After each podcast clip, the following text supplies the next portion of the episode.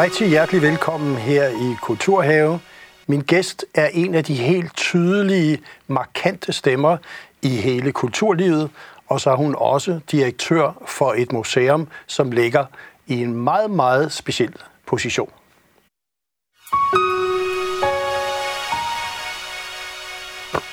Ja, og Ulla Tofte, direktør for Søfartsmuseet i Helsingør.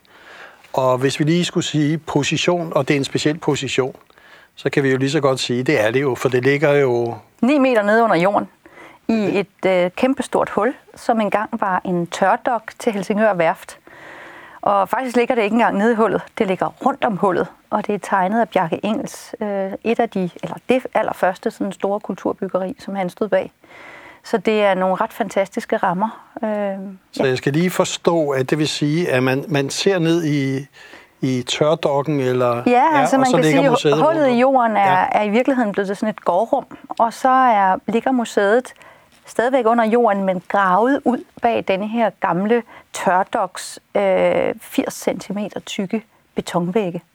Og jeg kan huske, da Søfartsmuseet lå på Kronborg, øh, hvor der stod nogle skibe, og man kan ikke sige, at det var særlig øh, spændende, spektakulært eller formidlet øh, specielt. Og så flyttede det derned.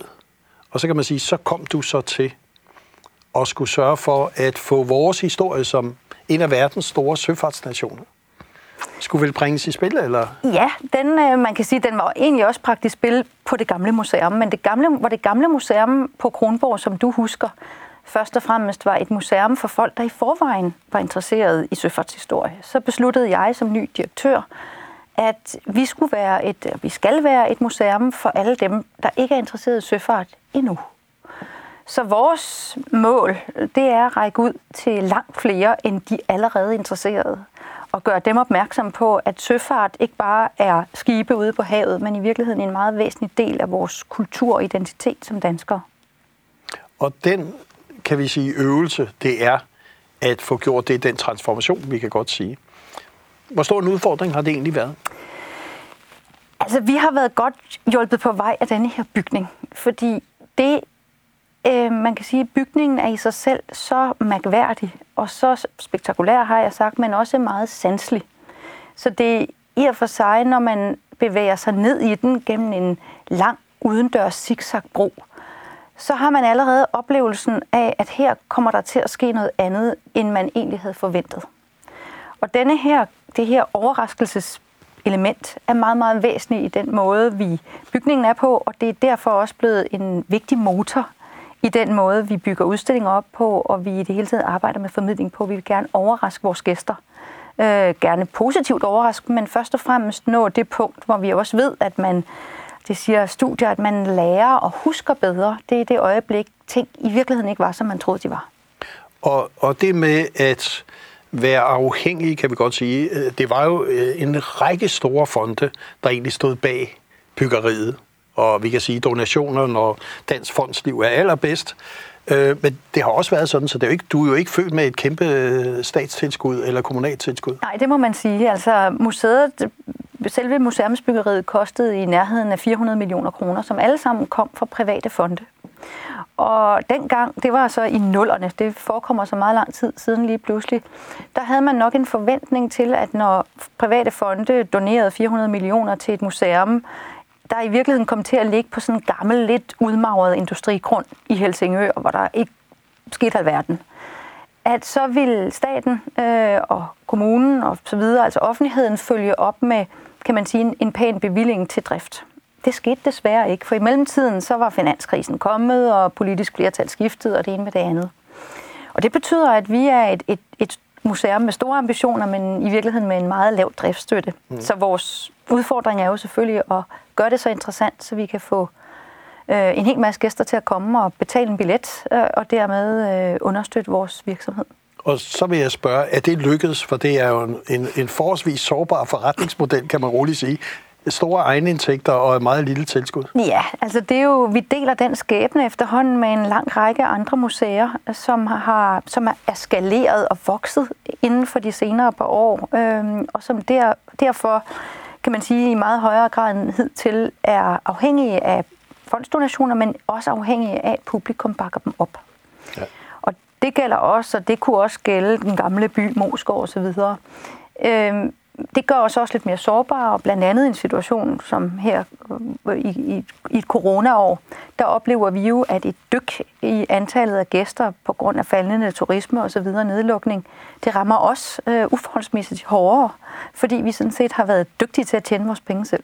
Ja, og i sommer, hvor der ligesom var halv pris, oplevede I også der en tilstrømning, som alle museer gjorde?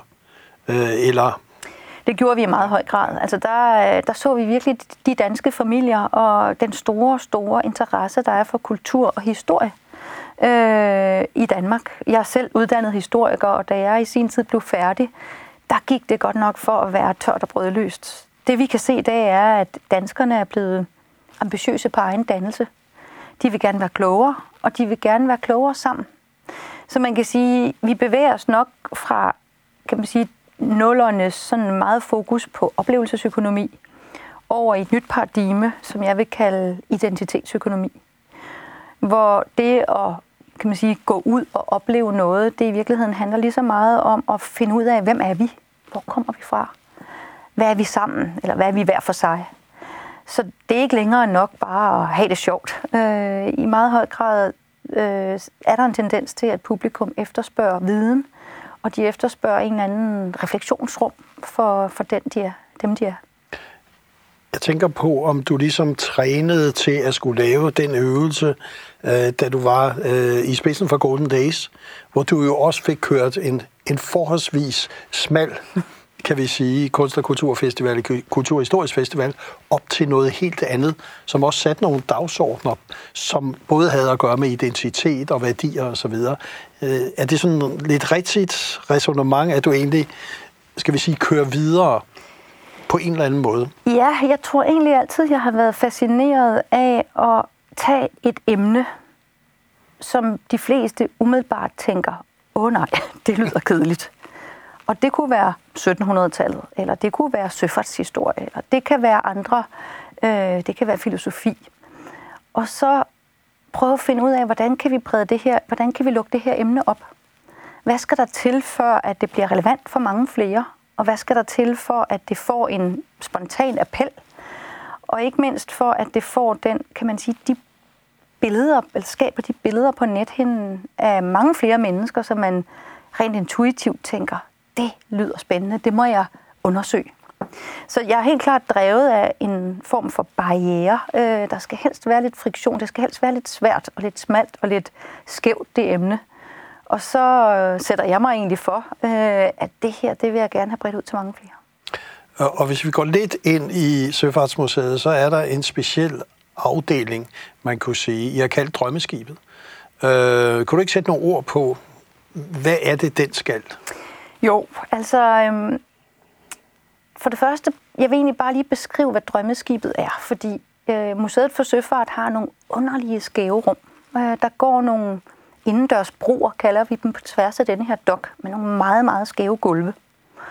Og øh, da jeg kom dertil, så kunne vi simpelthen ikke rigtig finde ud af, hvad vi skulle bruge de her broer til, fordi der kan ikke rigtig stå noget på dem, det skvatter ned, og de var sådan lidt tomme. Men det vi observerede, det var, at når børn kom ind i de her på de her skæve gulve, så begyndte de helt spontant bare at løbe og lege. Og derfor blev vi klar over, at når museet skulle have et legeunivers, så skulle det være der. Og samtidig så var det ret tydeligt, at øh, i søfarten er det sådan, eller søfarten har traditionelt set altid tiltrukket børn, der ikke kan sidde stille i skolen. Sådan var det i 16. og 17. og 1800-tallet, at hvis, hvis børn virkelig var uvårne, som man sagde dengang, jamen så fik man mod sejle. Og derfor så har det været vigtigt for mig, at Museet for Søfart er et sted, også for de børn, der ikke kan sidde stille. Og de skal, vi har skabt et rum, hvor man faktisk skal bevæge sig, hvor man skal trække, bruge sin krop, bruge sine muskler, man skal løbe, man må gerne larme, hvor alting er fysisk øh, og lidt hårdt, fordi sådan er det ombord på et skib. Og det er blevet det her meget, meget sådan sanselige og smukke, takket være nogle dygtige designere og smukke øh, Øh, børneaktivitetsrum, øh, som hedder Drømmeskibet, og som er vanvittigt populært. Og heldigvis har vi øh, lige fået en bevilling fra Nordea-fonden, som har støttet den oprindelige, øh, det oprindelige drømmeskib til at videreudvikle det, så det kan blive endnu bedre og måske endnu mere for os de mindste børn. Det er jo sådan, at museer tit tænker i, i skolebørn, og i virkeligheden også meget børn, der, der er dygtige til at sidde stille og ordne nogle små fine ting, eller sådan forstå meget, kan man sige, intellektuelt. De helt små børn er der ikke så mange aktiviteter for på et museum, men de er tit med, enten med deres forældre, eller også så fordi man som børnehave eller vuggestue faktisk mangler et fedt sted at gå hen, især om vinteren. Og vi vil gerne være et fedt sted at gå hen øh, for de små børn også. Så det skal vi i gang med. Og det kan vi i hvert fald sige vigtigt igen, at vi ser, at fonde er inde, og man kan sige, offentlige private partnerskaber faktisk fungerer i dansk kulturliv også. Øh, jeg tænker, hvis vi går lidt videre ind og tager en udstilling, Oceanista. Ja. Ja. Om havet og moden gennem 100 år. Jeg synes lige, vi skal se en lille klip fra den.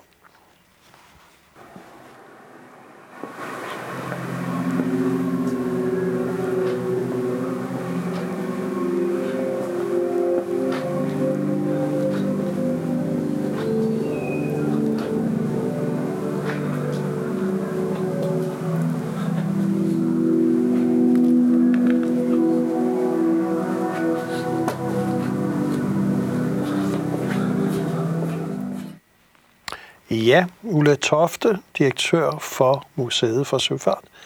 Øh, sådan en udstilling som den her med mode, øh, vel også nogle mennesker bagved, scenograf, øh, måske noget mode også. Øh, kunne du ikke knytte nogle ord på, hvordan får man lige det kombineret, det greb? Vi har længe, øh, det er jo meget tydeligt, at øh, søfarten har haft en enorm indflydelse på moden havde jeg sagt, i hvert fald øh, siden 1700-tallet, hvor Marie Antoinette og de franske damer ved hoffet begyndte at, at få sat skibe ind i de her store puder på rykker, øh, som symbol på en opbakning til den franske flåde. Vi kender stribet, sømandsstribet tøj, øh, hvide, hvide bukser og alle mulige ting. Søfartens øh, klæder har altid fascineret. Og derfor har det været naturligt for os øh, at lave en udstilling, der handler om den, det samspil, der er mellem, mellem søfart og mode. Men det kan også være en helt almindelig tyk trøje, en søfartstrøje, som, eller en sømandstrøje, som rigtig mange øh, mænd og kvinder for den sags skyld går med. For at, kan man sige, det at løfte sådan et emne op, øh, det kræver for mig at se, at vi involverer nogle andre end, end os selv, øh, eller som supplement til os selv. Vi er historikere, og vi har nogle kan man sige, meget tydelige kompetencer, der handler om, hvordan præcis tingene var, og hvordan de så ud, og hvorfor man gjorde sådan og sådan. Men vi har lavet den her udstilling blandt andet sammen med den unge scenograf Julian Jolin, som har, kan man sige, taget et af vores store rum og vendt fuldstændig op og ned på det, ved at skabe en fantastisk øh, scenografi bestående af, af sådan en, det, der ligner sådan et, et undervandslandskab, og, øhm, jeg synes lige, vi kan, vi kan lige få det på, fordi så, så kan det køre, mens vi lige snakker om det, så kan, kan seerne følge med.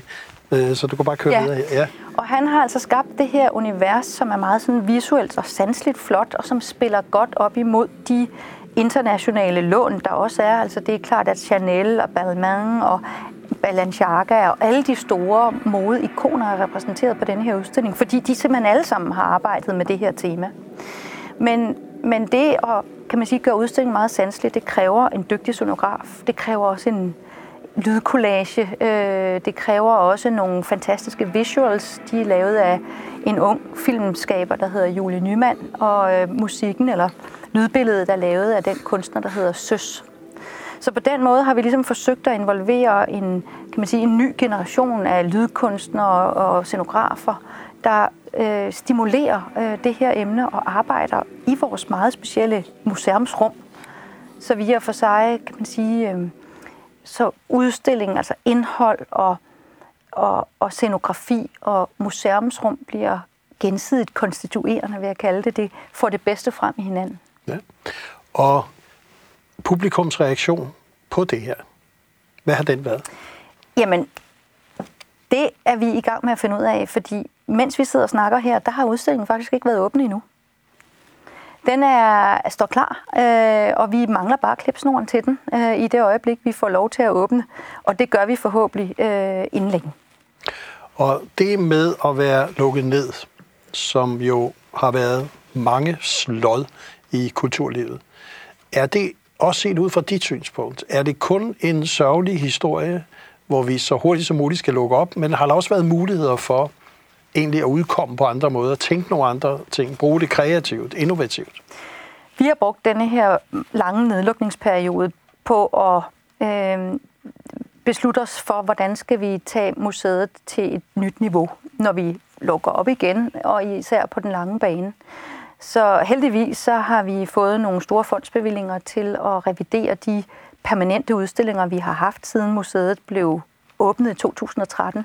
Og jeg kan sige, at det er over 20 millioner. Det er over 20 millioner. Øh, så vi skal i gang med at, kan man sige, øh, skabe nogle nye faste udstillinger. Og så er vi også blevet opmærksomme på en hel masse kan man sige, muligheder, vi har for digitalt at være i kontakt med vores publikum. Men sidst, og måske først og fremmest, så er vi blevet opmærksomme på folks behov for at bruge øh, de autentiske, kollektive, sociale oplevelser, og, øhm, og dermed også, hvordan vi som museum i fremtiden kan stimulere øh, det at være sammen om igen at blive kloge, eller at kan man sige, få nye indsigter øh, sammen med dem, man godt kan lide. Og vi er i gang med Kulturhave, og min gæst er museumsdirektør for Museet for Søfart, Ulla Tofte. Øhm, en af de ting, som jeg synes er interessant ved dig, og der er mange ting, men det er ud over, at du ligesom har din kulturhistoriske baggrund og så videre, en dygtig museumsdirektør, så er du også blevet det første, kan vi sige, kulturmedlem i Dansk Erhverv. Øh, du sidder også som næst bestyrer, eller hvad vi kalder det, ikke, ikke næstformand i hvert fald, men i Visit Danmark, øh, og har altså en meget stor interesse og berøringsflade, som ligger uden for, hvad man vil sige normalt for en museumsdirektør. Øh, hvor kommer den interesse fra? Jamen, jeg tror, der har jo længe været en opmærksomhed på, at kultur er mere end sin egen lukkede boble og sin egen lukkede klub. Kultur er en vigtig faktor i samfundet, øh, økonomisk, øh, turismemæssigt, men naturligvis også, kan man sige, mere i forhold til at gøre os gladere, klogere og lykkeligere og alt det andet. Øh, de andre ting bliver ofte beskrevet og i talsat, så jeg har ligesom valgt at, at sætte fokus på der, hvor kulturen rent faktisk gør en, en økonomisk og vækstmæssig forskel. Det var jo tidligere ekstremt tabubelagt at tale om.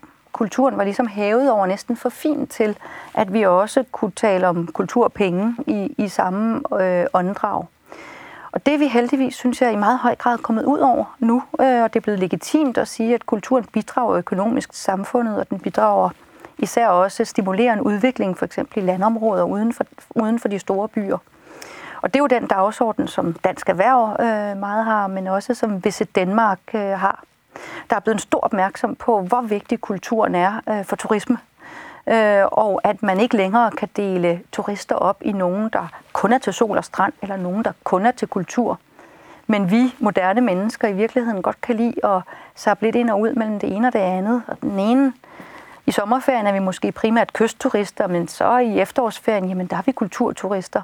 Og derfor så er der brug for en, en stærk kulturudvikling i hele Danmark, fordi det vil stimulere, som sagt, turismen og arbejdspladserne, men det vil i virkeligheden også gøre det mere interessant at, at bosætte sig der. Og det interessante er, at du siger som selvfølgelighed, nu er vi kommet videre i forhold til den diskussion, der har kørt i kulturlivet, om den skulle instrumentaliseres eller markedsgøres, og om vi måtte snakke penge. Og jeg kunne godt tænke mig, er vi helt ude over den, eller ligger der stadigvæk en, et stykke arbejde? Der er måske stadigvæk et lille stykke arbejde, men jeg vil sige, Corona har faktisk gjort den sidste tvivl øh, til skamme, øh, fordi det har, er blevet meget, meget tydeligt, øh, hvad, hvad der egentlig sker, når de vigtige kulturinstitutioner lukker. For det første er folk kede af det, de kunne godt tænke sig at komme. Det er så denne her, kan man sige, mere sådan lykkebaserede menneskelige dimension. Men for det andet, så er der jo rent faktisk, altså, der er, det er ikke sjovt at lege et sommerhus i en efterårsferie ved Vestkysten, og det regner, hvis der ikke er et åbent museum. Øh, det er ikke interessant at komme til en storby, hvor alle kulturinstitutionerne er lukket ned. Vi ser det her, har set det under nedlukningen. Hotellerne er åbne, men hvem har lyst til at tage på et hotel i en by, hvor der ikke er mulighed for at gå på museum, eller i teatret, eller til kultur? Det er der ikke ret mange, der har. Det interessante er, hvis vi nu siger, nu, nu er der faktisk en ny platform. så har en af de store udfordringer, det har været at gøre det politiske Christiansborg, måske ikke så meget kommunerne derude, for det er ligesom, de er begyndt ja. at se lyset, men ligesom landspolitisk har det ligesom været, nej, det snakker vi ikke om. Det er sidst i køen. Det er lavest prioriteret ministerium, det er Kulturministeriet. Ser du også, at der sker noget på den front? I høj grad.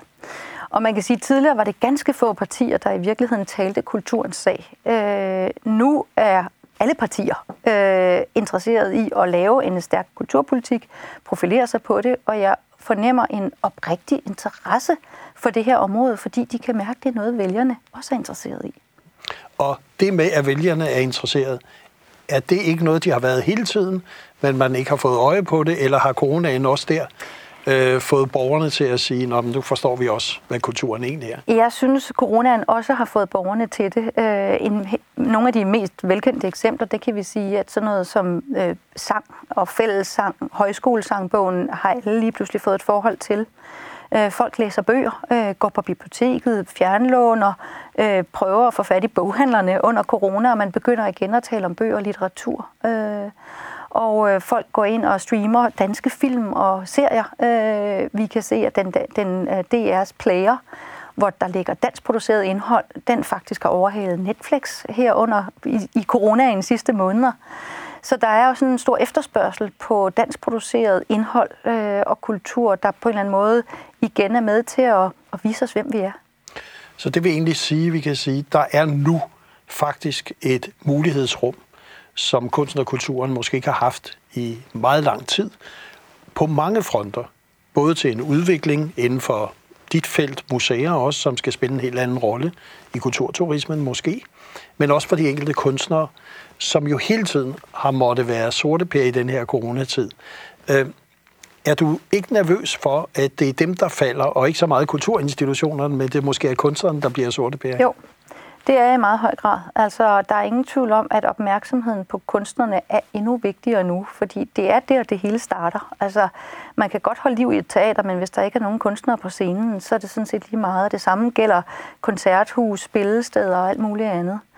Øhm, ikke desto mindre, så tror jeg, at denne her hvad skal man sige, den, det personlige møde, som man har enten med i scenekunsten eller i musikken, altså tage til en koncert, eller når man står foran et værk, der er skabt af en kunstner, bliver langt mere eftertragtet i fremtiden. Øh, det vil rumme den autentiske oplevelse, den kan jo slet, slet ikke konkurrere med alt det øh, kan man sige, virtuelle øh, og digitale, vi, som, som vi også er afhængige af, og som vi har brug for.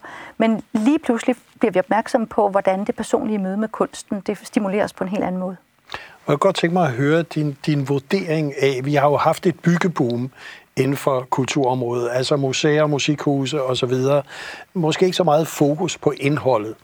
Øh, ser du et skift der også, nu kan jeg sige, i forhold, det kan være til fonde, det offentlige, kommuner, til, at nu skal vi til at snakke mere indhold? Jeg vil sige, at jeg håber det. Øh, fordi det er ikke så svært i virkeligheden at, at bygge en stor, flot bygning. Øh, det er svært at finde den gode historie og få den ud og blive ved med på en eller anden måde og dyrke den og gøre den relevant. Og den gode historie ser vi også her under corona, den kan lige så godt findes, han har sagt, under en sten ude på en pløjemark. Vi behøver ikke altid at have et stort, flot kulturhus omkring den øh, fordi historien i sig selv eller den enkelte lille genstand kan være mindst lige så magisk som den store, spektakulære bygning. Øhm, nu skal vi til at runde af allerede. Der er mange spørgsmål endnu, men hvis vi nu siger, du har været med mange, mange sammenhænge, og du har dette, skal vi sige, mere holistiske syn på, hvordan kultur, erhverv og så videre kan og skal arbejde sammen. Er du optimist for den fremtid for det kreative, det kulturelle, det kunstneriske Danmark, men også måske med de internationale øh, impulser, som vi også skal have etableret? Jeg tror, jeg næsten er mere optimistisk, end jeg nogensinde før har været. Øh, på kunsten og kulturens vegne, men i og for sig også på danskernes vegne. Øh, corona har lært os at prioritere, lært os at vælge nogen, noget af alt det materielle forbrug fra, at sætte pris på de immaterielle oplevelser, på det, som man ikke nødvendigvis kan hænge op på væggen og, og prale med over for naboen, men de oplevelser, vi ligesom ind, der indlejer os i, i dem, vi er, og er med til at definere os som mennesker. så vil jeg sige tusind tak, fordi du kom her i Kulturhave, og tak for den stemme, du er og fortsat vil være.